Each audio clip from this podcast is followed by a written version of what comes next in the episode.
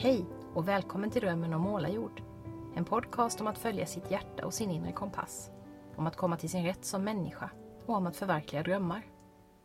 Jag heter Maria Estling Wannestål och i podden möter jag personer som brinner för olika saker. Som vågar lyssna inåt och känna efter vad som är viktigt för dem. Som går sin egen väg genom livet. Jag inspireras av deras berättelser och tankar och det hoppas jag att du också ska göra. Nu har jag tagit en kort paus i mitt långa sommarlov igen för att bjuda dig på en liten poddkaramell där jag har fått träffa författaren Sara Lövestam som vägrar låsa in sig i ett genrefack. Med en bakgrund som SFI-lärare skriver hon grammatikböcker som svenska folket älskar men också barnböcker, romaner och deckare. Ja, eller själv trodde ju varken hon eller förlaget att det var deckare hon skrev. Tills hon fick pris från Svenska Deckarakademin. I min bokcirkel läste vi i våras boken Tillbaka till henne som vi tyckte mycket om. Och sen fick hela gänget en härlig stund på biblioteket i Växjö där Sara berättade om sitt författarskap. Så mycket humor och så mycket inspiration hon bjöd på. Och nu är hon här i poddavsnitt 73 för ett samtal om barndomens kärlek till bokstäver och ord, om kreativa processer, nördarnas revansch och mycket annat. Välkommen att lyssna!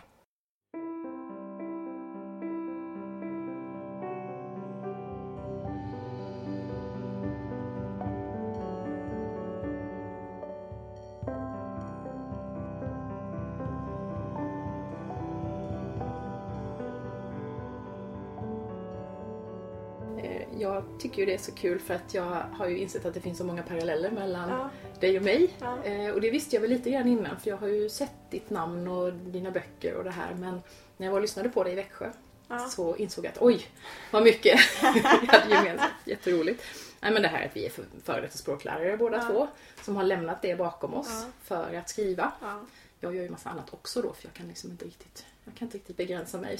Vad gör måste, du mer? Ja men poddar, jag leder kurser och samtalscirklar ja. och massa sådana roliga grejer också. Föreläser inom andra ja. områden. Och sen är vi grammatiknördar ja. båda två. Och skriver i språktidningen ja. båda två, även om du gör det betydligt mer än vad jag gör. Jag svarar bara på lite språkbruksfrågor okay. sådär. Men jag har ändå varit med sen, nästan sedan starten. Eh, vi har skrivit grammatikböcker, vi har skrivit barnböcker, vi har skrivit romaner. Och det är så roligt, jag var inne och kollade på Adlibris igår och det är så kul för att det är ju sådär en gång om året eller två vid ja.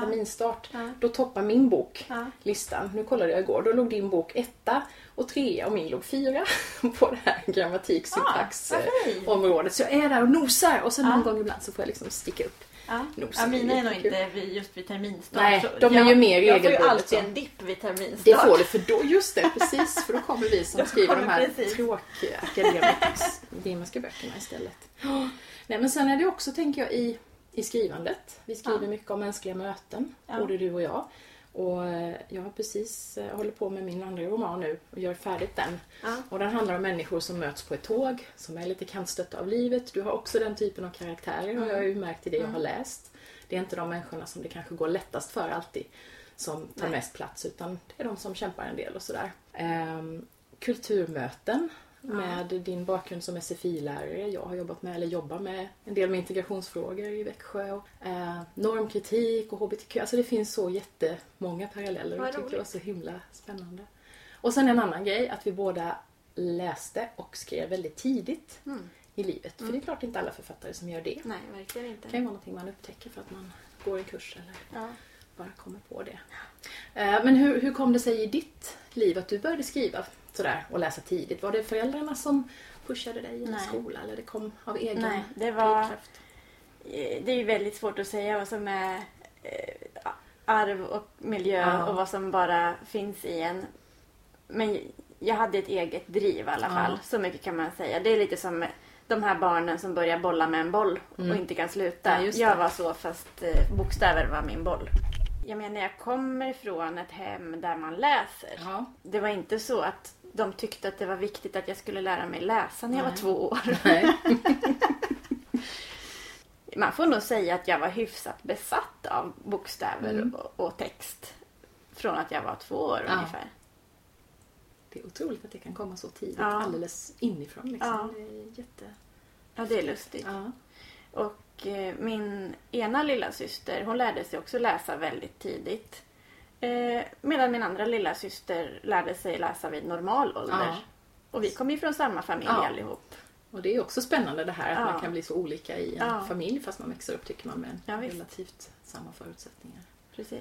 Ja, Jag minns ju hur jag satt i garderober och läste mitt i sommaren. Jag liksom lämnade kompisarna, gick och stängde in mig med en ficklampa och satt och läste. Och så fort jag hade läst en bok så började jag skriva en egen på samma tema och var Ja. på någon spännande plats. Sådär. Ja. Så jaha, nej nu måste jag skriva en bok om det här kastellet som jag har. För där finns säkert ett mysterium någonstans.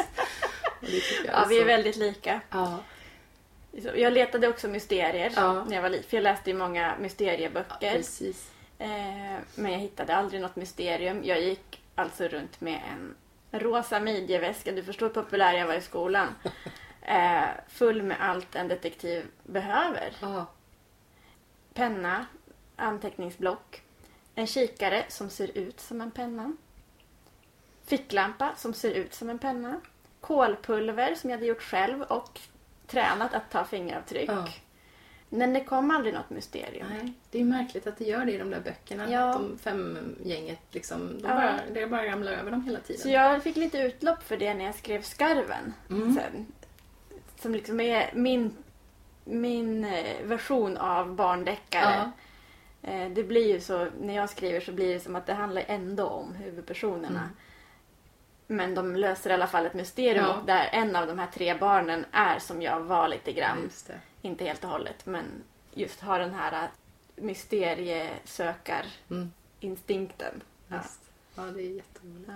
Fortsatte du skriva upp i tonåren? För där tappade jag bort mitt skrivande under ganska många år. Jag liksom vet inte vad, Ja. vad som hände där. Om Men... du tittar upp där till vänster längst upp så har du alla mina dagböcker. Ja. Och det var det jag skrev i tonåren från... Nej, jag skrev, jag skrev för sjutton också berättelser Mm. i tonåren Du också. det, ja. När jag tänker efter. Jag har någon typ av krigsmentalitet. Att jag måste spara och spara och spara på snör, snuttar och allt möjligt. Och, Mm. Du vet, om kriget kommer, man har med sig den. Och eh, jag är ju inte uppvuxen i misär. Men ändå så har jag känslan av att om jag skriver ut den här skrivboken kommer jag aldrig mer få en till. Nej. Så att eh, när jag gick i skolan så fick man då skriv, man fick ju en skrivbok i varje ämne, en sån där litet häfte. Mm. Eh, om man hade skrivit ut det då fick man ett nytt. Så jag såg alltid till att skriva ut det när det var två veckor kvar till Ah. Så För då fick man ju ta hem böckerna. Mm. Och då kunde man bara riva ut första sidan så hade man en Yes. hel skrivbok att skriva i. Eh, och de har jag skrivit fulla av historier, ganska dåliga historier. Men språket är sig likt. Mm. Om du skulle läsa mina... Just det, så finns din röst där redan Oh ja, tidigt. språket är, om jag får bedöma själv, hyfsat bra. Ja. Även i de här historierna jag skrev när jag var 12-13 år. Kul Men historierna är ju dåliga Ja. alltså. Men det är klart, du har inte hunnit uppleva så mycket. Och inte hunnit träffa så många människor och, och så. Men Ja, det Det var ju också det att jag inte var så bra på att berätta historier. nej, nej, det är ju en tränings... Ja, för det fick, jag vet, det fick jag ju också som respons sen när jag skickade in till förlag när jag var Mm. 20-22. Då fick jag ju tillbaka det. Du har bra språk, dålig historia. Okej. Eh, Du måste lära dig hur man Bygga tänker. Ja, precis. eh, Att bygga story, en intrig. Ja, precis. Dramaturgi var inte min... Nej, Ja, så det fick jag lära mig Mm. medan språket hade jag med mig. men det är ju jättekul att kunna titta tillbaka och, Ja, och hitta det. Liksom. Ja. Du, eh, idag uppfattar jag att du har en väldigt stark kompass. Liksom. Du går din väg, du gör din grej. Du vill inte bli inplacerad i en genre och du, ja, du gör det du vill. Men Mm. har det varit så ända från början? Liksom, har du vetat vad du vill och vart du skulle? Skrivandet fanns ju där men sen hamnade du Mm. inom i, som blev SFI-lärare. Fanns det liksom med tidigt eller var det något som bara blev? Eller? Jag har alltid vetat att jag vill bli författare. Ja, så det har, det har funnits varit- med sen oh, ja. Sen Mm. jag var så liten. Så, eller sen jag fick veta att författare fanns. Fan, ja, Ja. just det. Samma. Ehm, sen behövde man ju försörja sig då. Mm. Ehm, för precis som jag sparar på snören och skrivböcker så vill jag inte eh, sitta utan försörjning bara för att jag följer en dröm.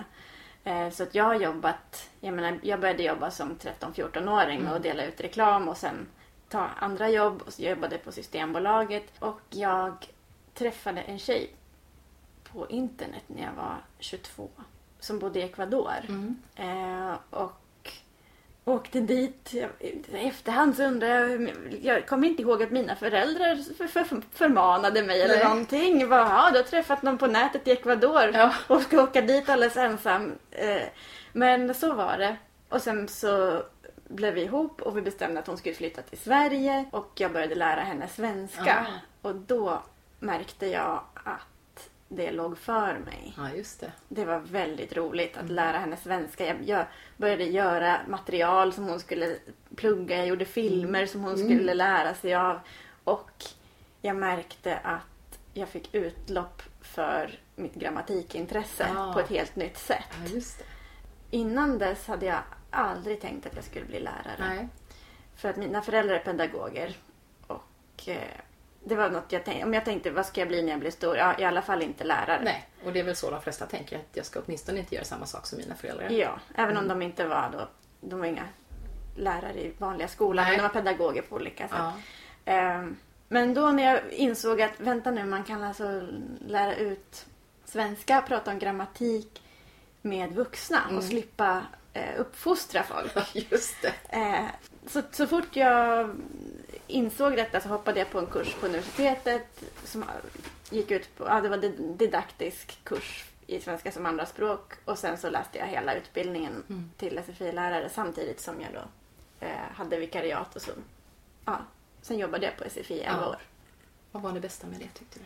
Och det finns så mycket, ja men eleverna. Jag hoppas ju att jag kommer ha möjlighet att göra det igen för att det är det bästa jobbet som finns. Mm. Jag kan nästan inte välja något. Eh, alltså en sak är ju att det är det enda jobbet i Sverige där man varje dag får prata om grammatik Ja. med någon som blir Ja, väldigt glad. och folk blir glada, folk vill ha mer. Just det, det blir inte studenter i engelska alltid kan jag säga då. Jaså? Som tänker att åh, de ska lära sig prata engelska och bli jätteduktiga på det. Och sen inser de, aha, man ska behöva lära sig grammatik också.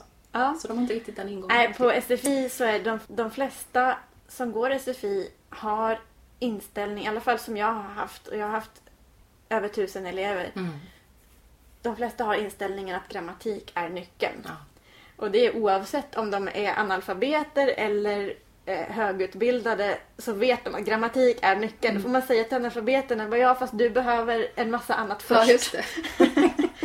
Eh, och så får man säga till, till akademikerna att ja, jag vill väldigt gärna prata grammatik med dig men du måste också våga öppna munnen. Ja. Men så det är ju det är ju självklart en av de bästa grejerna med yrket men också eleverna är så himla roliga, härliga. Man kommer till ett sammanhang varje dag där man får känna när man går hem att jag har gjort Ja, någonting för just människor. Inte bara att jag har lärt dem ett språk som de kommer behöva väldigt mycket om de stannar kvar i Sverige.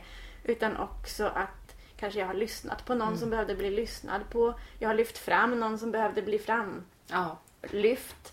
precis. Du fyller ju ett antal olika funktioner Ja, det. Mm. eh, och det känner man inte lika mycket när man sitter och skriver. Nej. Eh, Då är man ju väldigt ensam med det och det som eventuellt kan hjälpa någon i livet det händer två eller tre år efter att jag skriver det som jag Mm. Lite skriver. längre processer. Just det. Plus att man är, ju inte, man är inte där och ser dem Nej. som, som Så liksom en omedelbar belöning Mm. för den som belönas av att kunna hjälpa någon annan. Och sen har du fått med dig saker som du har kunnat ha nytta av i ditt skrivande också förstås. Absolut. Med alla människor du har mött Ja. och öden och historier och sådär. Ja. Nej, men det är ett så, det är ett så positivt sammanhang. Jag föreläser ju ofta, eller jag brukar fråga när jag är ute och föreläser, gör vanliga biblioteksbesök och sådär. brukar jag fråga hur många i publiken är SFI-lärare, för det är alltid Mm. några. Eh, och säger är ni lyckliga? Ja, det är vi. Ja. ja, det är ju underbart.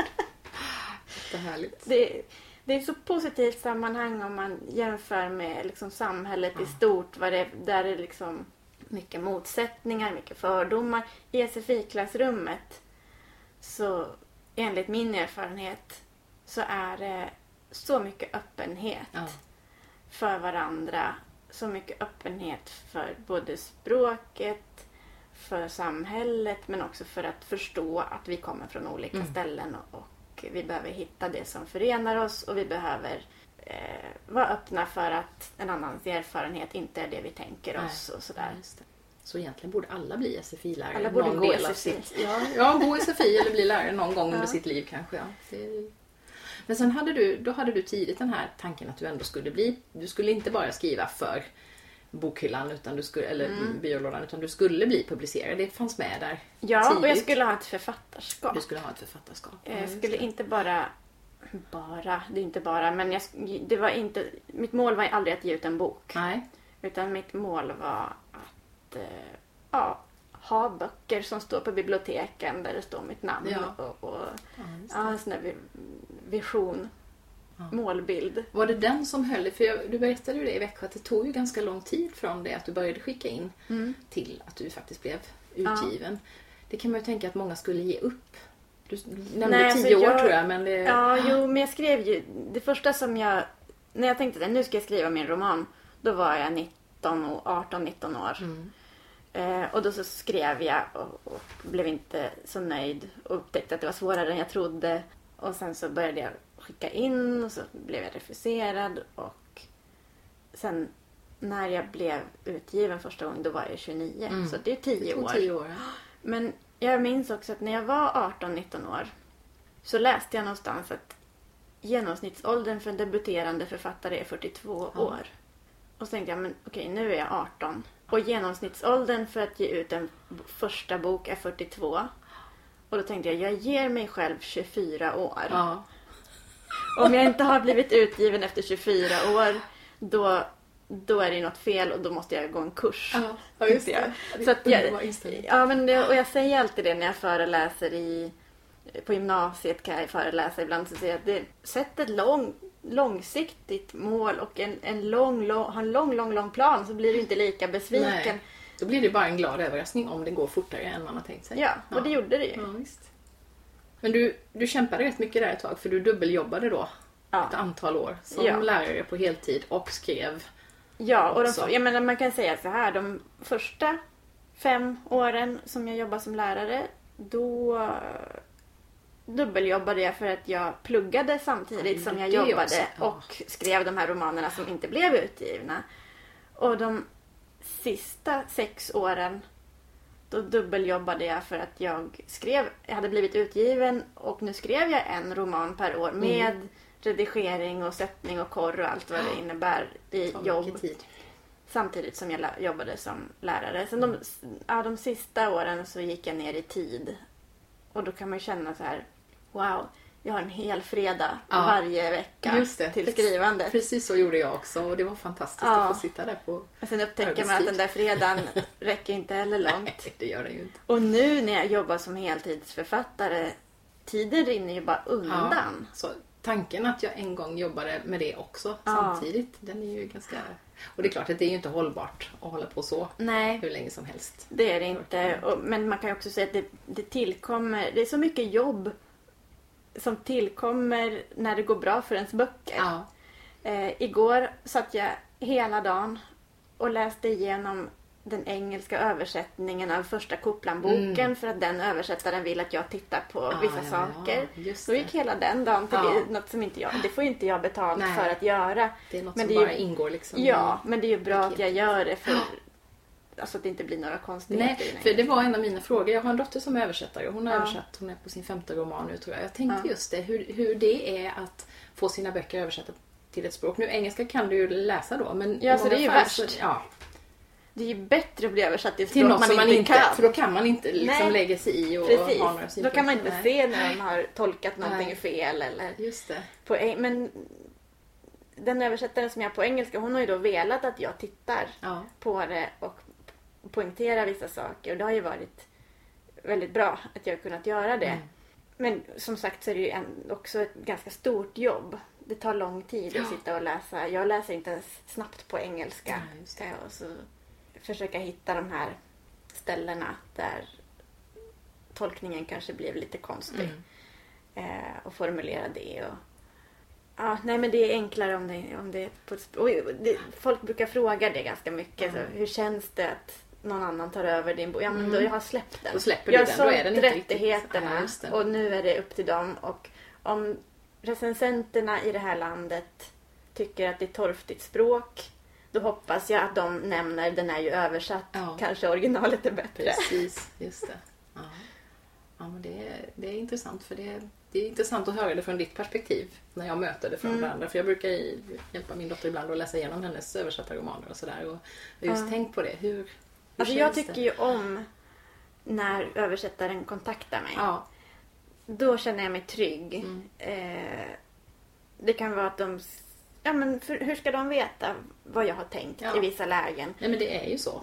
Så Man har inte samma referensramar ju. Så att det och jag kan få frågor som så här, här står det att hon tycker att det sven, ja, men i, i boken Udda då, så här, det var en tyska översättaren som mm. frågade.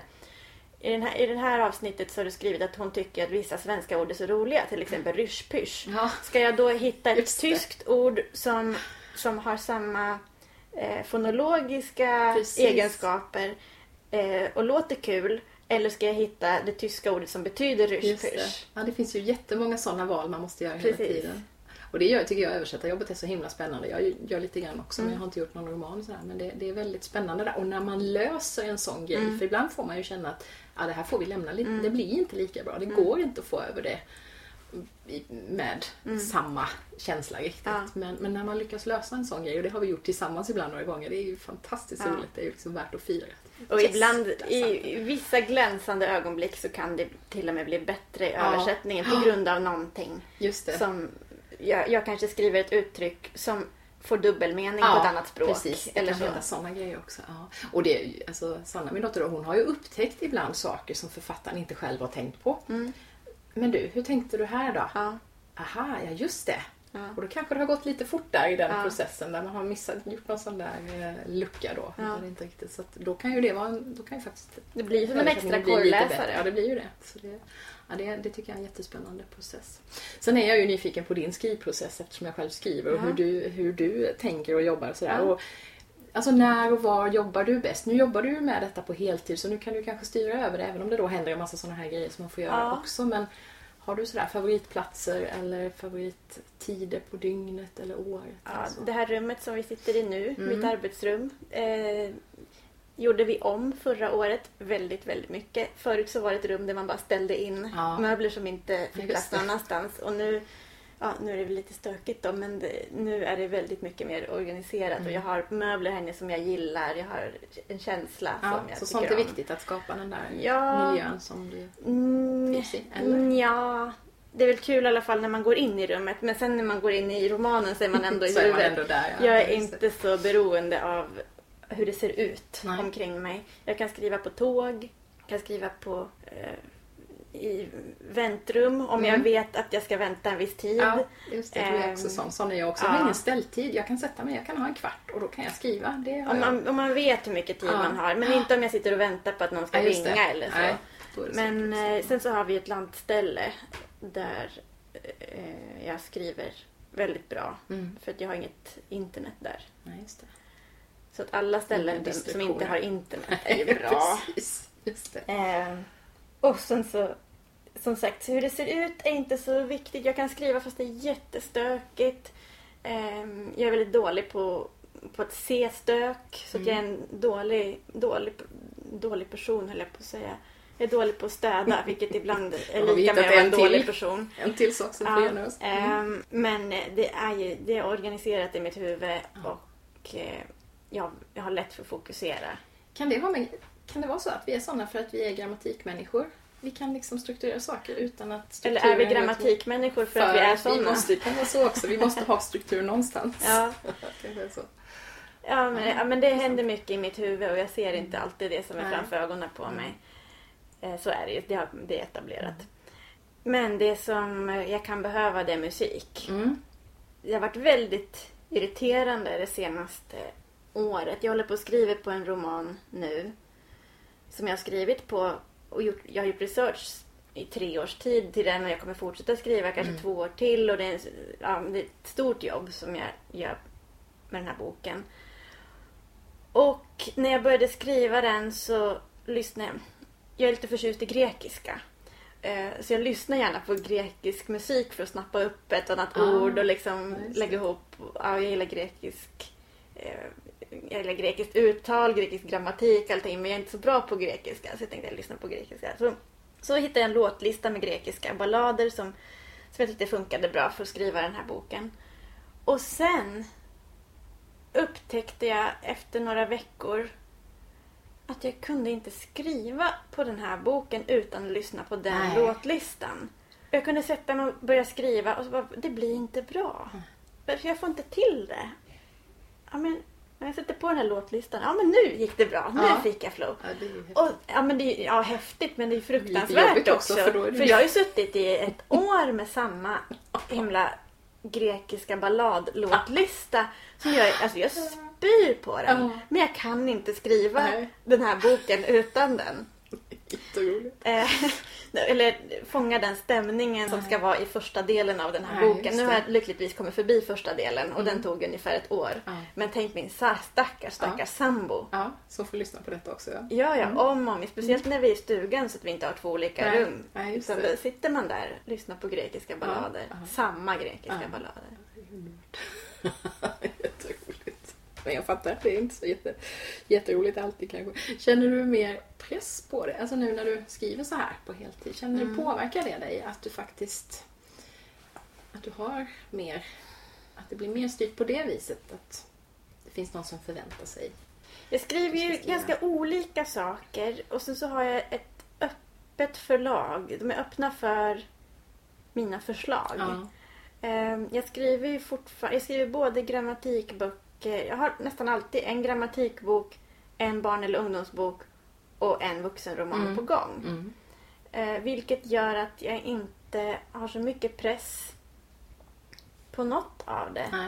Eh, för att, jag menar pressen är ju från mig själv på mig själv att eh, jag ska... Du vill komma framåt. Och... Ja, och att jag också ska kunna ha en lön. Mm.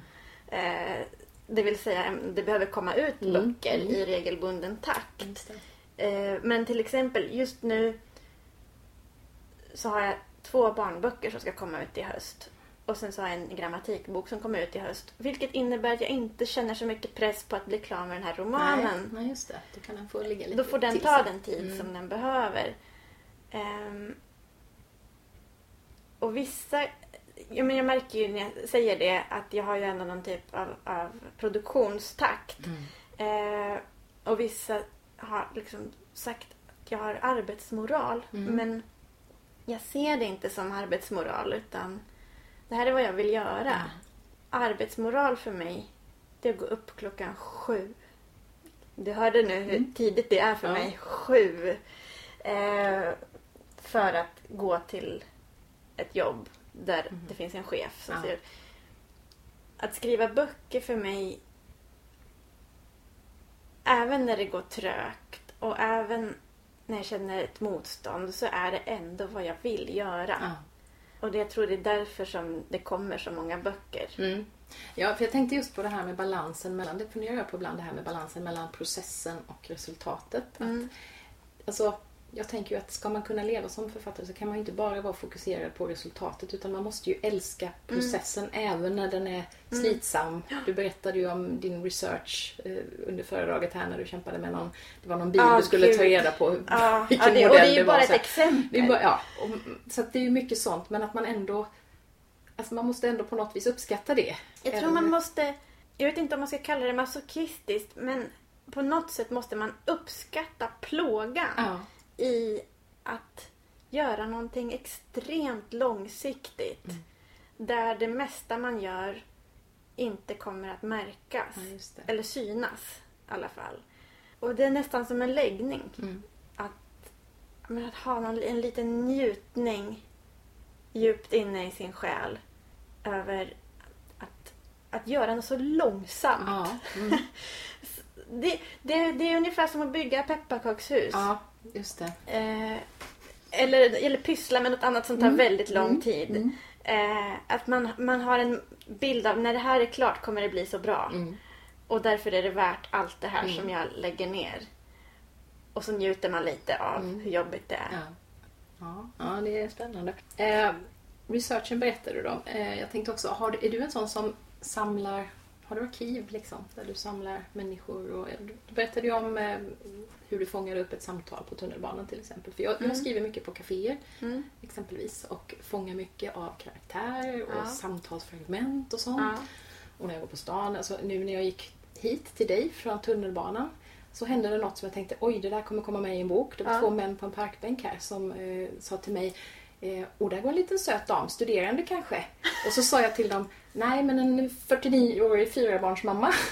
Åh, oh, då tar vi av oss hatten, sa de. Jag tänkte det är så underbart, det där måste ju få plats någonstans. Och sånt fångar jag upp hela tiden. Jag skriver ner det för att Ja. jag tänker att det där glömmer jag annars om jag, Ja. om jag inte gör det. Har du något sånt liksom, arkiv där du samlar på dig? saker? Mobilen. Mobilen. Mm. Ja, och dels så får jag, jag får väldigt många idéer.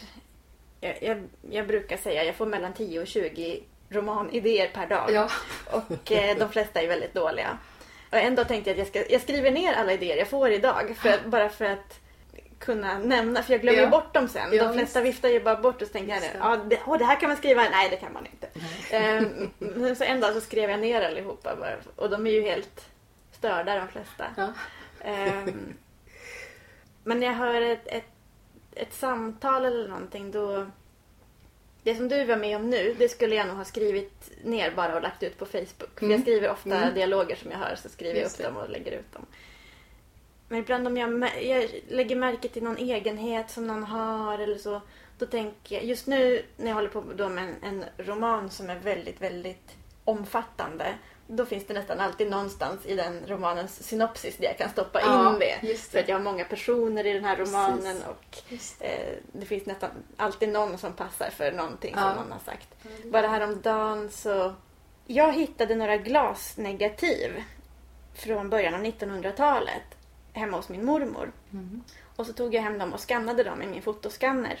Och listade ut eh, via ett ordentligt detektivarbete att det här, de här glasnegativen kommer från Polkem där min mamma eh, var barn men de föreställde inte min familj. Så då letade jag efter dem, någon som visste vilka de här var. Och till slut så hittade jag en person som visste vilka de var och som också är släkt med de personerna på bilden. Det visade sig att min morfar hade ett mörkrum. Så att folk kom dit med sina gamla negativ och sen blev de kvar där. Och eh, den här kvinnans son ska komma och hämta de här glasnegativen. Och det skulle han gjort redan i februari tror jag. Ja. Men han har inte kommit. Nej. Så jag mejlade henne igår och bara hej jag vill bara kolla att han har kommit. Ja, han har inte kommit och hämtat dem än. Och då svarade hon eh, ja han är som han blev. Men han kommer nog. Och det passar perfekt. underbart. Han är Ja, som han visst. blev. Kommer definitivt hamna i den här Ja, romanen ja, som jag skriver ja, nu. det. Passar perfekt för en av huvudpersonerna Ja. att säga. Sånt är så himla roligt när man fångar upp någonting. Ja, nu blev det en väldigt lång historia. Ja, men det, är, det är jättekul. För jag Men- tror att många funderar över det. Alltså jag inser ju det. Ju mer jag själv skriver desto mer lär jag mig också om hur andra författare jobbar Mm. och hur ja, men alla dessa idéer kommer. Mm. Och just att man, man hittar så mycket, man fångar så mycket, man hämtar så mycket. Man sitter inte och hittar på allting själv. Liksom, utan det, det är mycket som, som man faktiskt har upplevt på något sätt. Men man skruvar om det och man bygger karaktärer av flera Ja, olika av ens egna. Ja. Och det finns ju så många sådana. Utforska en viss sida hos sig Ja, själv. precis. Ja, herregud. Jag tror jag är alla mina karaktärer som jag skriver om. Det finns någonting där liksom som är Ja. hämtat från mitt eget liv på något sätt. Men du, jag funderar också på titlarna till dina böcker. Ja. Hur har de, eh, har de kommit tidigt i processen eller har de växt fram? Det är väldigt olika. Eh, vissa har verkligen inte kommit fram för i absolut sista desperata samtalet mellan mig och min förläggare. Nu måste det här. Det här ska ut i katalogen. Ja. Eh, Formgivaren har gjort omslaget men har ingen titel. Nu måste det komma en titel.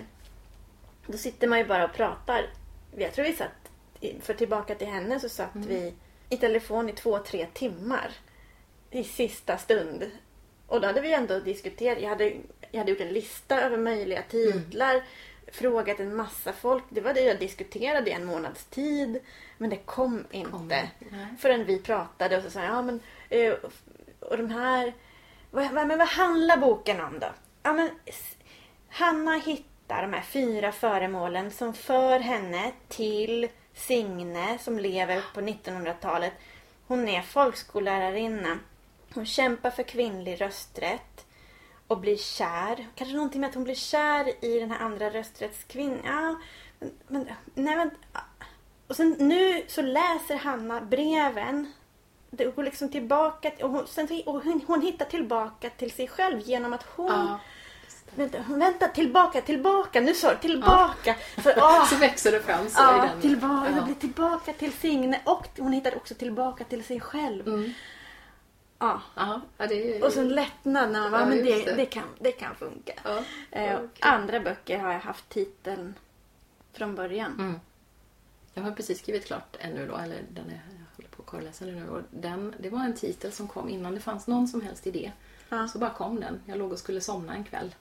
Och det bara kom en jättekonstig... Jag visste ju inte ens att det var en titel då, för jag Ja. hade precis gett ut min första roman. Så jag var inte ens inne på att nu ska jag börja på nästa. Jag var inte där än liksom. Och så bara damp den ner och tänkte det här är så konstigt så det här måste jag skriva ner för det har jag glömt Ja. till imorgon. Och så skrev jag ner det. Och så började jag och min dotter spåna. Vad, vad är detta för någonting? Och så började vi dra i trådar och så plötsligt... Vad var det? Och nu, Kantstötta porslinsugglors paradorkester. Den är ju så konstig så att Fantastiskt. det där är ju ingenting Gud, som... bra. Ja, och det bara kom.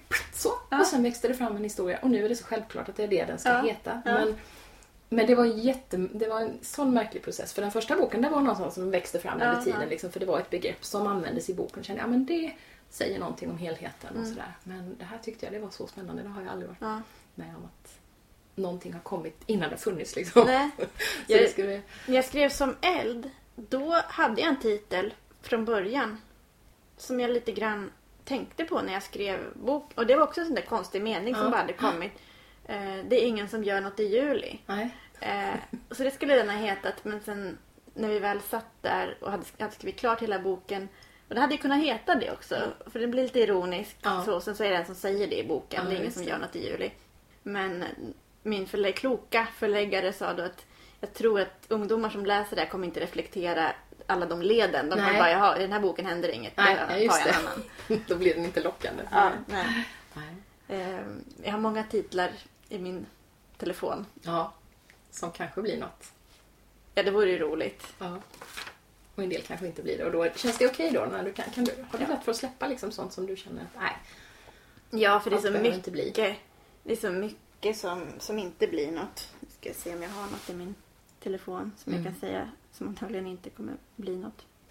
Här är den här när jag hade idéer. Jag tänkte jag ska skriva ner alla idéer jag Ja. har på en dag. En hovdam på 1700-talet får syfilis och kämpar på. Ja. En som föds som and. Metabok om en som ifrågasätter hur jag som författare kan förutsätta mina karaktärers identitet utan att fråga dem. Huset, en bok som följer ett hus genom årstider och förfall. En kriminolog som blir utsatt för ett brott och måste rannsaka sin distans till ämnet. De långsamma. En plats där olika saker hänt i olika tider. Ja, jag tänkte, kände mig jättesmart när jag kom på det. En bok om någons blygdläppar. En familj som bestämmer sig för att säga jag älskar dig och har månatliga möten om hur det går. Eh, en bok om språkpoliser förr i tiden som rättade barn som sa kepsar eller inte pluralböjde. Barnbok om vad som egentligen händer i diskmaskinen och så vidare. Ja, det är alldeles underbart. Nej, men också, just det här tycker jag är kul också. Att någonting kan, man kan tro att någonting ska bli någonting och så blir det någonting helt annat. Ja. Jag skrev en novellsamling. Tyckte jag hade en jättebra idé. Jag skulle ha eh, en novell för varje månad. Ja. För jag läste om eh, eh, någon slags, eh, jag kommer inte ihåg, men det var någon slags hednisk kult där man eller egentligen gammalt svenskt tror jag. Man hade namn på alla olika månaderna. Det var blodmåne och ismåne och ja, bla bla bla. Tänkte jag. Och så fanns det ett tema kring varje sån måne. Som jag hittade någon sån gammal eh, kalender. Och så tänkte jag, det är ju jättebra, då kan man ju ha en berättelse på det temat för varje måne. Men sen liksom skrev jag alla de där och sen så tappade jag fart. Och sen har jag använt då, en av dem till exempel blev nu en del av den nya romanen. Och Ja. Ett namn plockade jag till en av karaktärerna. Alltså sådär just att Precis. allt behöver ju inte bli det man först tänkte Nej, heller. nej. Och sen kanske jag tar upp den här för jag tycker fortfarande det var en bra idé så jag tänker fortfarande att jag kanske ska skriva den någon gång. Men Ja, och, vi, och vissa saker i- i det här som jag nu läste upp som Ja. jag... Det här är ju idéer, det här är bara idéer som, som jag skrivit upp under en dag Ja. bara för att jag ja, tyckte det skulle vara kul att skriva upp dem. Men det kommer säkert spilla över i, i något annat. Precis. Det ena leder till det andra och Ja. man kan plocka in det. Just det där man har en karaktär. Men där fanns den grejen som jag... Alltså jag ser ju oftast kreativitet som att man tar två helt olika saker eller fler och kör ihop dem Ja. och så bildas det någonting nytt i Just det. Det är därför som din titel till exempel, paradorkestern, Mm. Blir så intressant. Mm. För att det, är, det har beståndsdelar som vanligtvis inte sitter ihop och så Nej. blir det någonting nytt. Man får nästan en bild ändå. Ja, just det. Trots att... Och det roliga var när jag googlade på det här så hittade jag ju de här. Alltså. De finns ju, det finns sådana små porslinsfigurer som är små ugglor som spelar olika instrument. Ja. Så nu har ju de, de finns ju i boken nu då. Underbart. Men, men det tyckte jag var så himla häftigt. Jag var sånt där bara, va? Finns det? Och det finns folk som samlar på de här, du Ja. vet. Och, ja, är jättemärkligt. Ja. Ja, nej men det, det är jättekul. Du, jag tänkte på, du skriver ju också så som jag har tänkt många gånger att du, du skriver det du själv vill läsa. Läste jag något citat Ja. från någonting. Och så har jag tänkt Jag hela tror tiden. alla gör det. Ja, men det, ja, gör de det?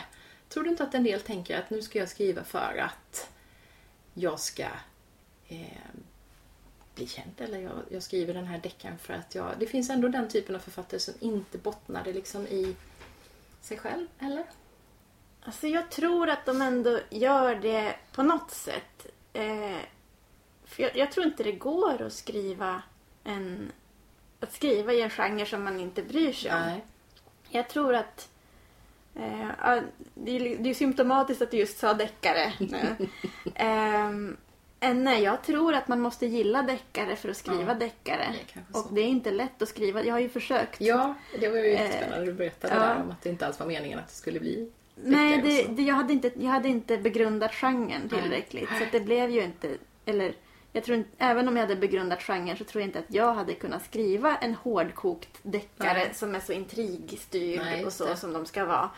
Eh, utan det kräver det kräver en annan typ av talang Mm. än att kunna skriva romaner, vanliga Mm. romaner eh, och kunna mejsla ut eh, till exempel mejsla ut karaktärer och, och få läsaren att känna olika känslor Mm. som kärlek och ömhet och, Ja. och, och melankoli och sånt. En skriva en deckare kräver andra Mm. saker. Och eh, sen är det klart att man kan Ja men man kan tänka sig, jag gillar deckare. Eh, jag tror man kan tjäna pengar på deckare. Och jag har talang för att bygga smarta intriger. Mm. Jag tror jag ska gå några kurser. Ja, för det har jag funderat på det här med kurser. Alltså när man går kurser och på något vis får någon annans syn på vad som är rätt och fel eller bra och dåligt. Jag är lite sådär, jag, kan bli lite... Jag vill inte göra så. jag Nej, inte. Jag... Har du gått någon kurs? Nej, jag har inte gjort det. Jag har inte Det vågat. Nej, jag har inte heller gjort För jag är det. så rädd att någon ska säga att nej, du ska göra så här. Och så känner jag att nej, men det är inte så, det är inte min röst. Det är Ja. inte så jag skriver. Men då behöver jag inte bry mig om det i och för sig. Men det är så, inte, jag tror inte att de flesta kurser går ut på det heller. Att säga vad som är rätt och fel. Eller, utan de går ju ut på att... Ja men i och för sig, de går ju ut på samma saker som folk som skriver på internetforumen Ja. om skrivande. Nämligen eh, se upp för klyschor. Ja, adverben Ehm, och allt det här. Ja, men också eh, tänk på att boken ska handla om en viss Mm. sak och inte spreta, liksom, gå från det ena till det andra. Eh, tänk på att, jag kan tänka mig i en deckarkurs, att man Ja. kanske till exempel lär ut att det ska finnas ett crescendo. Mm. Eh, att man inte ska ducka för när det smäller. Nej. Eh, sådana saker. Men jag har svårt att tänka mig att de lär ut ett... Ja, börja, inled din bok med att det ligger en död naken kvinna Ja. i skogsbryn. Nej, inte så. Nej, min, min dotter läste kreativt skrivande. Hon har läst tre, två eller tre terminer tror jag. Och Ja. där kände jag ju att när hon... Alltså kursen var bra på så vis att det blev av att hon skrev. Ja, Men den feedbacken hon fick, hon är jätteduktig i sig själv. ja. Och jag kände att den feedbacken hon fick ledde liksom inte åt rätt håll. Den stärkte inte hennes röst. Ja. Utan Ja. hon hade ingen nytta av den. Utan det var snarare att hon tappade liksom, jaha, nähä. De gillade inte det men... Ja. Men det har jag varit lite, Mm. lite, vad ska man säga, rädd för. Jag har inte varit rädd för det. Men jag kan tänka mig att jag skulle, att jag inte skulle gynnas av Nej. att gå en skrivkurs. För att jag kanske är för känslig. Ja, Eller jag blir irriterad Ja. över att någon inte förstår min röst. Eller, eh, och då ligger ju det hos mig ganska mycket. Mm, det är klart. Absolut. Man kan ju ta till sig det man känner att man har Ja, nytta av. Men jag hade ju, jag hade ju gärna, efter att jag fick mina första, res, första refuseringar där det då stod att jag har ett bra språk men dålig intrig. Då hade jag gärna gått en kurs i vad man ska tänka Ja, på när man skriver eh, en, en dramaturgi. Precis det här hantverksmässiga så ja. Så att kanske att, att det, det som man redan är bra Ja, på kanske man inte Nej, behöver gå kurs precis, i. man men får det hitta man, det som man behöver stärka Ja. upp då kanske. Ja. ja just det. Ja, men det vi har ju läst eh, Tillbaka till henne i min bokcirkel. Ja. Och det är en av de böcker som har fått bäst genomsnittsbetyg. Jag tror den fick 5 minus i snitt. Och det är kanske 3 av 70 böcker nu på 9 år. Minus fått det. fem låter inte så bra. Fe- Fem, det är alltså fem är max, men fem minus. Det var väl någon som sa fyra plus. Så då ner. Ja. Nej, men den, Ja. Vi var otroligt ense om att vi tyckte så mycket Nej, om vad den. kul. Ja, Ja, det var roligt. jätteroligt. Och det blev ju extra roligt då i och med att hela bokcirkeln, eller i alla fall de som hade läst, hunnit läsa boken den här gången, gick och lyssnade på dig och fick Ja. bakgrunden och sådär. Och sen är det ju så när man har en bokcirkel och gör en massa andra saker som jag som har en massa barn och odlingar Ja. och sånt. Då hinner man inte läsa så jättemycket böcker. Ja. Så då blir det oftast bara bokcirkelböckerna. Men jag kunde inte låta bli att läsa Hjärta av jazz som vi fick i den där bokcirkelkassen. Så igår läste jag ut den. Och de här två böckerna, det var länge, länge, länge sedan jag kände att nej men jag vill inte skiljas från de här karaktärerna. Det gör jag inte. Det är inte så ofta jag blir så berörd och kommer så heller. nära en eh, människa som jag har läst om som Ja. jag har gjort i de här två böckerna. Så det tyckte Wow. jag var fantastiskt roligt. Jag blir Åh jätteinspirerad. gud vad glad jag blir. Ja, tack. Så det, det, och det är jätteintressant tycker jag med ditt sätt att växla mellan nutid och dåtid. Och Ja. det, det gillar jag jättemycket. Men sen är det någonting i hur du beskriver de här människorna också. Mm. hur de gestaltas som är... Ja, det, är, det går rakt in här. Tack så jättemycket. Ja, nej, men det, det är fantastiskt roligt. Sen har jag inte läst eh, de andra då, Udda och I havet.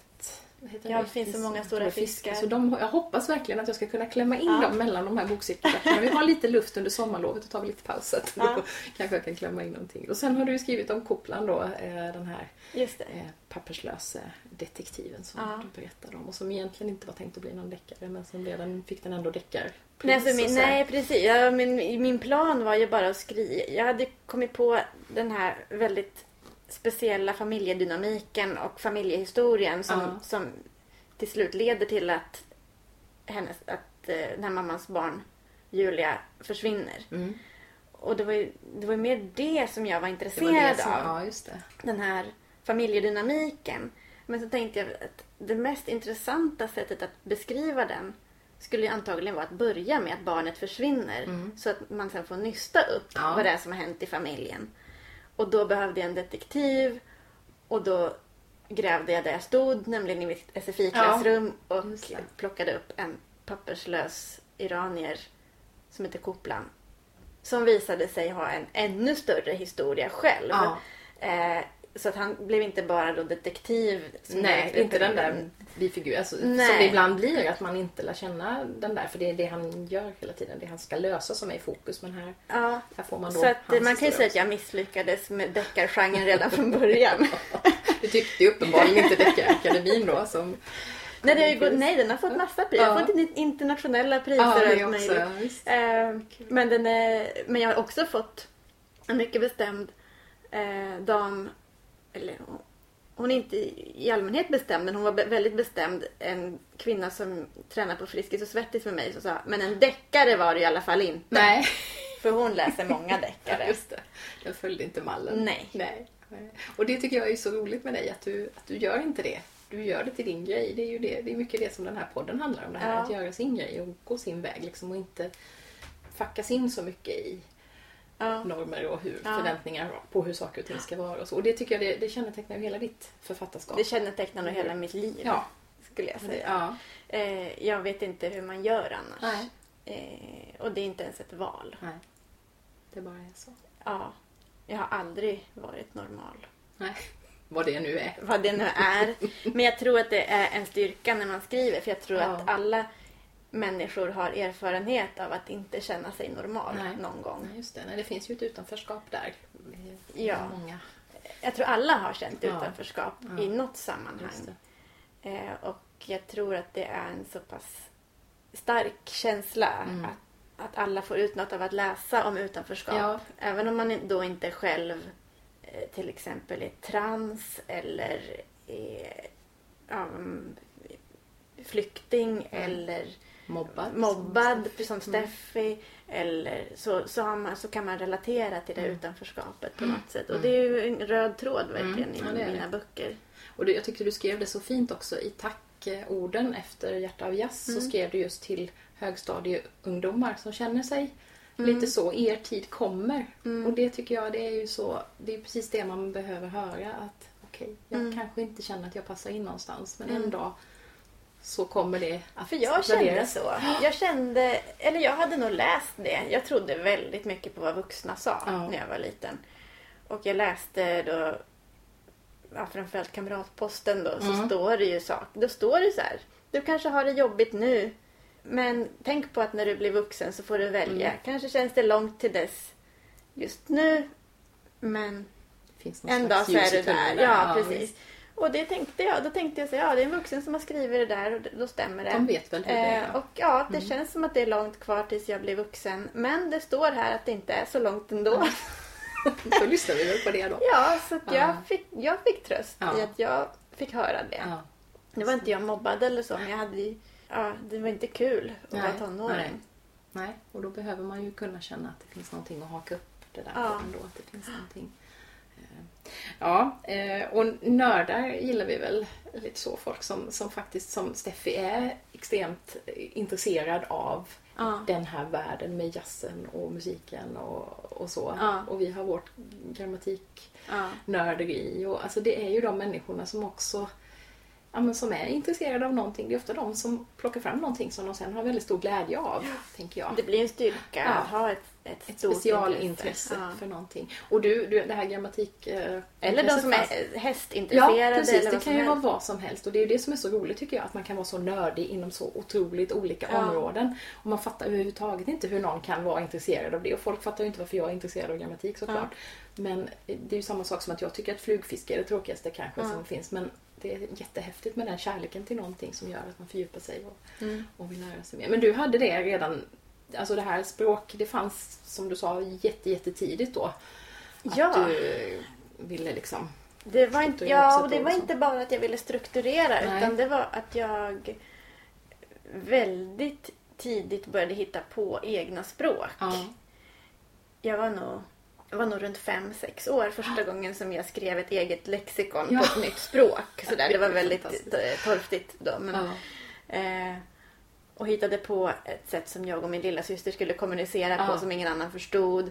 Och eh, sen när jag var då lite äldre och utvecklade mina språk eh, så insåg jag att språk fungerar på vissa sätt och jag behöver ta reda på hur de fungerar för att jag ska kunna utveckla mitt eget påhittade språk. Mm. Och det var därifrån som jag började utforska eh, svenskan och se Ja. hur, hur saker och ting hängde ihop egentligen. Ja, det. Och det var ju ingen som sa till mig att det fanns något som hette grammatik. Nej. Utan det var något som... Jag trodde att jag, hade, att jag bit för bit upptäckte ett system som ingen annan Nej. hade upptäckt. Eh, tills jag då kom upp i högstadiet. Och, Plötsligt fanns det termer för ja, precis. precis. Mm. Och så sålde du in den här idén, för då hade du gärna gett ut eh, någon av dina romaner. Då hade jag gett ut fyra, Fyra romaner. romaner till och med. Mm. Ja, just det. Var det, var det liksom, jag visst direkt eller tittade de på det? Ja, men, nej, men så här var det. Att jag, jag började med att skriva... Först så skrev jag lite på min... Jag har en blogg som jag skriver väldigt sällan på. Ibland så skriver jag någon betraktelse av någonting grammatiskt. Mm. Och så tänkte jag det här, det här är nördigt alltså. Det kommer de inte gilla. Eh, men så fick jag massa kommentarer på det. Och då började jag leka med tanken att Ja. skriva en egen grammatikbok med alla de här betraktelserna. Det handlade ju mest om det. Jag kunde sitta på ett tåg och så kunde jag titta ut genom fönstret och tänka ja, nu är hösten kommen. Och så bara kommen. Kommen är ju perfekt particip. Men perfekt particip beskriver ju vad någon har gjort med någonting. En bok är läst för att en person har läst den. Men kommen, det är ju ingen som har kommit hösten och ändå är den kommen. Och så skriver jag ett blogginlägg om det och så får jag en massa kommentarer. Ja. Så att jag tänkte den stilen skulle jag vilja skriva Ja, en grammatikbok. Och sen började jag skriva. Och så nämnde jag det. Jag höll en föreläsning på grammatikdagen 2013. Och nämnde bara att jag håller på att skriva lite om det här. Men jag får se om det blir en bok, om de vill ge ut den och så. Och efter det då kom det fram två representanter från olika förlag och sa Ja. vi vill ge ut Ja, det är boken. otroligt kul. Eh, utan att de hade sett den och utan att jag Ja. skrivit klart den eller så.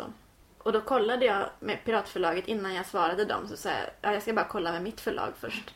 Och det var lite grann också att jag, jag tänkte att det är bra om jag får jobba med Piratförlaget. För de ger ju inte ut facklitteratur. Så då, då får jag styra och ställa lite. De, de, kom, de har De inga inte så färdiga... mycket synpunkter där. Nej, de har inga färdiga mallar för facklitteratur. De kommer ge ut den här för att de tycker det är kul. Ja. Men de kommer inte vilja att jag skriver i deras... Nej, det.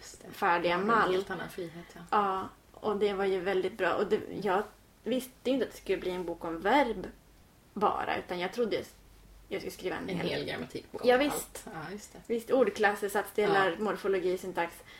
Men det blev så att, menar, del 1 ordklasser, kapitel 1 verb. Det här första kapitlet Mm. Ja. bara blev längre och längre och längre. Och till slut så ringer jag Pira- Piratförlaget och bara hej, den här boken som, som skulle handla om grammatik, okej om den bara handlar om verb? Ja. Och de bara ja, ja men det låter bra. Det är Och det kanske du inte hade fått den reaktionen Nej. Från, ett, från ett förlag som var mer Nej, för då skulle, så. då skulle de haft folk involverade Mm, som Och då var det mer strukturerade upp och, så. det, ja. Eh, Jag har ju erfarenhet av att ge ut eh, läromedel också. Eh, och det är mycket mer strukturerat. Det är nästan Mm. Det beställningsjobb Ja, från dem. Om man jämför. Så att, och, jag menar, och sen ringer jag Piratförlaget igen och bara hej, jag tänkte att jag ska ha illustrationer i min bok. Är det okej om jag gör dem själv? Jag Ja. som aldrig har illustrerat Nej. en bok i mitt liv. Och då säger min förläggare, ja det är nog bäst det för det är nog ingen annan Så- som är i din hjärna. så roligt. Ja, så det, jag fick välja väldigt mycket själv. Omslaget gjorde min kollega Jerry som också är grammatiknörd. Mm. Eh, Och förstår din hjärna då. ja, han förstår Bättre. faktiskt den, den delen av min Mm. hjärna ganska bra. Ja, ja, det är häftigt att, att en sån bok kan bli en sån succé när man Ja. har känslan av att alla är anti-grammatik. Eller det är ju Ja. min uppfattning som har mött så mycket studenter att det är väldigt många som kommer Ja. med väldigt negativa, tyvärr, Mm. rotade tidigt i skolan då Mm. därför att man har inte gjort det på ett sätt som har varit Lustfyllt. intressant. Har, man har ofta inte förstått vad man ska ha det till. Nej. Där brukar jag ju börja att Ja. om, du, om du lär dig det här så kan du, det handlar om att använda språket Ja. på ett bra sätt. Och Jag brukar förstår. börja i att försöka skapa den här nyfikenheten som Ja. jag kände när jag Ja, var visst. liten. Att Utforska och lägga Ja, istället för att jag säger så här. Adjektiv böjs efter substantivet. Om det är en ord så blir det som vanligt. Om det är ett ord slutar det på T och om det är plural slutar det på A. Nu ska vi göra en övning. Istället för det så kan jag skriva till exempel på tavlan. En snäll man. Två snälla barn. Ett snällt lejon.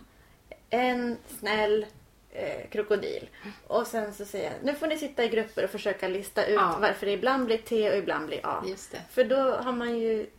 Då, Då, då det, lockar händer man ju fram- någonting ja, med hjärnan då när man får jobba med det själv. Ja. Precis.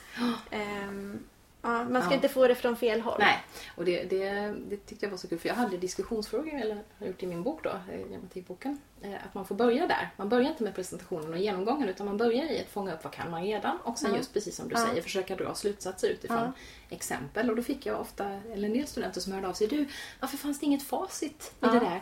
Nej men det var ju för att du inte ska gå till facit och kolla svaret utan du ska tänka själv. Du ska klura ut det här och sen kan du ta hjälp och gå in i presentationen om du kör fast och sådär. Men jag vill inte ge dig det. Nej. Mm. Jag vill att du ska sätta igång precis de där processerna som du beskriver. Och, Jag har skrivit en eh, grammatikbok för högstadiet som heter Grammatik och piraten som jagade mås. Ja. Och eh, i den är det väldigt många, en del frågor är det, och det, och det finns, det finns korta test på varje avsnitt och sådär.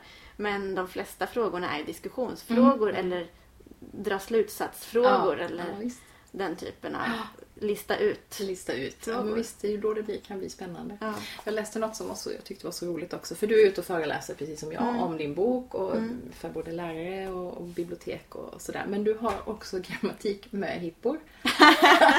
har du fått någon sån eller är det bara Ja. din idé? Ja, du har gjort det. Det Eh, tyckte jag ju lät jättekul. Ja, men jag har... Det är, ibland så är det lite som att det man sänder ut, det får man tillbaka. Och jag skrev bara det på min, på min sida om föreläsningar för att jag tänkte att det skulle vara kul. Så jag skrev det. Jag kan, jag kan också hålla grammatik för möhippan. Eh, och sen så mycket riktigt var det en eh, det var en doktorand i nordiska språk, Ja. tror jag det var, som skulle gifta sig och hon ville inte ha en möhippa, men hennes kompisar ordnade en möhippa ändå. Ja. Men då fick jag komma dit med blädderblock Ja, just det. och hålla en grammatiklektion. Det och det tyckte hon var är rimlig möhippa. Ja, det är underbart. Vad, vad, tycker du är allra roligast när du är ute och föreläser? Vilken, vilken publik möter du helst? Har du funderat över det? Oh. Eller är det, är det helt och hållet beroende på... Jag har några favoritpubliker. Ja. Publiker. Publikar. Publiker, ja just det. Grammatik. Eh, en av dem är SFI-elever. Ja. För att det är eh, svårt att prata lätt. Men efter 11 år på SFI, då kan man det. Mm. Så att jag känner när jag får föreläsa för SFI-elever jag håller en van, jag berättar allt om min väg till författarskapet, hur det är att vara författare, men jag berättar på ett, väldigt enkelt ja. språk. Eh, som jag skulle prata med mina SFI-elever. Och efteråt så är de så glada ja. att de kunde förstå en föreläsning. För att det, det är jag är van också som lärare på SFI att ta in föreläsare från kanske Skatteverket eller Polismuseet eller så. Och oftast så är det så att de ställer in sig på att prata lätt. Mm. Och efteråt får man ändå berätta för eleverna vad, vad som var de sa. Som sa ja. så, det är så, så att det är, det är så tacksamt ja. att eh, ja, men jag, jag, känner att det är så roligt att mm. kunna göra mm. det. Um, och det är också den gruppen som vill ta massa selfies med ah. en efteråt och sådär. Um, sen ibland är det roligt att föreläsa för barn. Mm. Men det beror på om de har gjort förarbete eller mm. inte. Det är så otacksamt att hålla föreläsningar för barn, speciellt högstadiet, men även andra, om de inte har läst Nej. en bok, diskuterat en bok, de bärs eh, in i din värld. Diskuterat hur det, hur det kan vara att vara författare Nej. och kommer dit med en nyfikenhet. Då är det roligt, mm. annars är det motsatsen.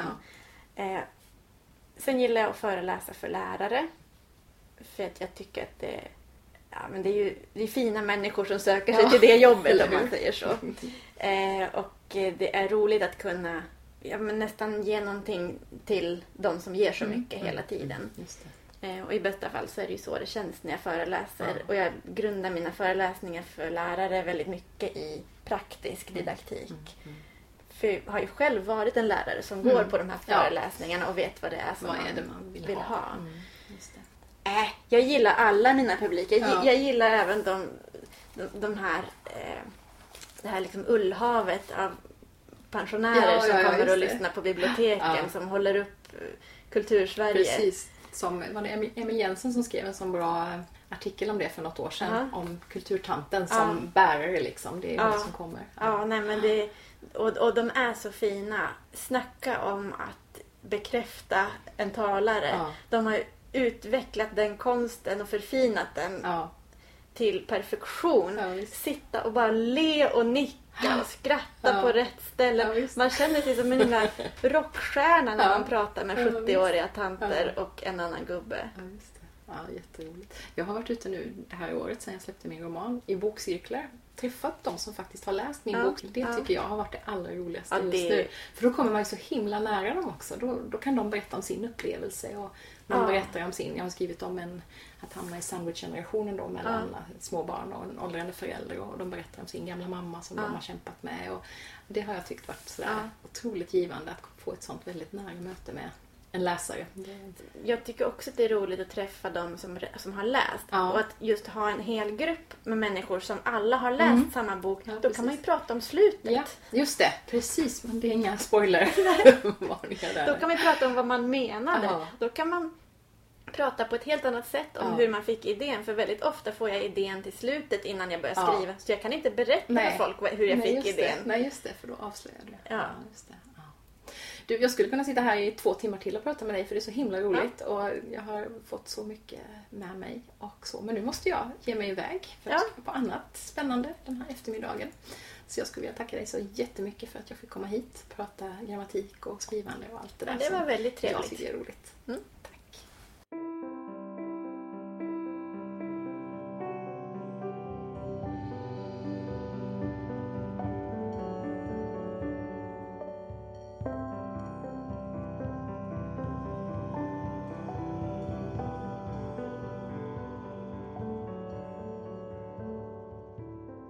Kan läsa mer om Sara, hennes böcker och hennes blogg på saralovestam.se. Och jag vill verkligen rekommendera hennes böcker. Jag har som sagt läst tillbaka till henne och även Hjärta av jazz och tyckte väldigt mycket om båda. Jag ser fram emot att läsa även de andra böckerna när jag nu lyckas klämma in något annat än bokcykelböcker, vilket inte alltid är så lätt. Jag blev så inspirerad av Sara, både i föreläsningen jag lyssnade på och i vårt poddsamtal. Hennes envishet och målmedvetna arbete som gav resultat till sist. Det ska jag ta med mig när det känns tungt, som det ju alltid gör ibland när man kämpar med ett stort och omfattande projekt utan att veta om det kommer att ge något resultat. För några veckor sedan skickade jag in mitt andra romanmanus till ett antal förlag och nu är det en lång och spännande väntan på om någon ska nappa den här gången. Den första romanen, Lex Katarina, blev ju refuserad. Men jag har aldrig ångrat att jag ändå bestämde mig för att boken inte bara skulle bli en produkt för skrivbordslådan utan gav ut den på eget förlag.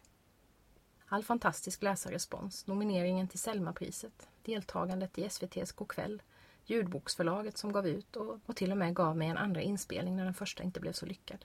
Det har visat mig att arbetet inte var förgäves. I mina tankar ligger nu idén till en tredje bok och skvalpar. Vi får se när den idén växer sig tillräckligt stark för att ta sig upp till ytan. Och så var det det där med nörderiet.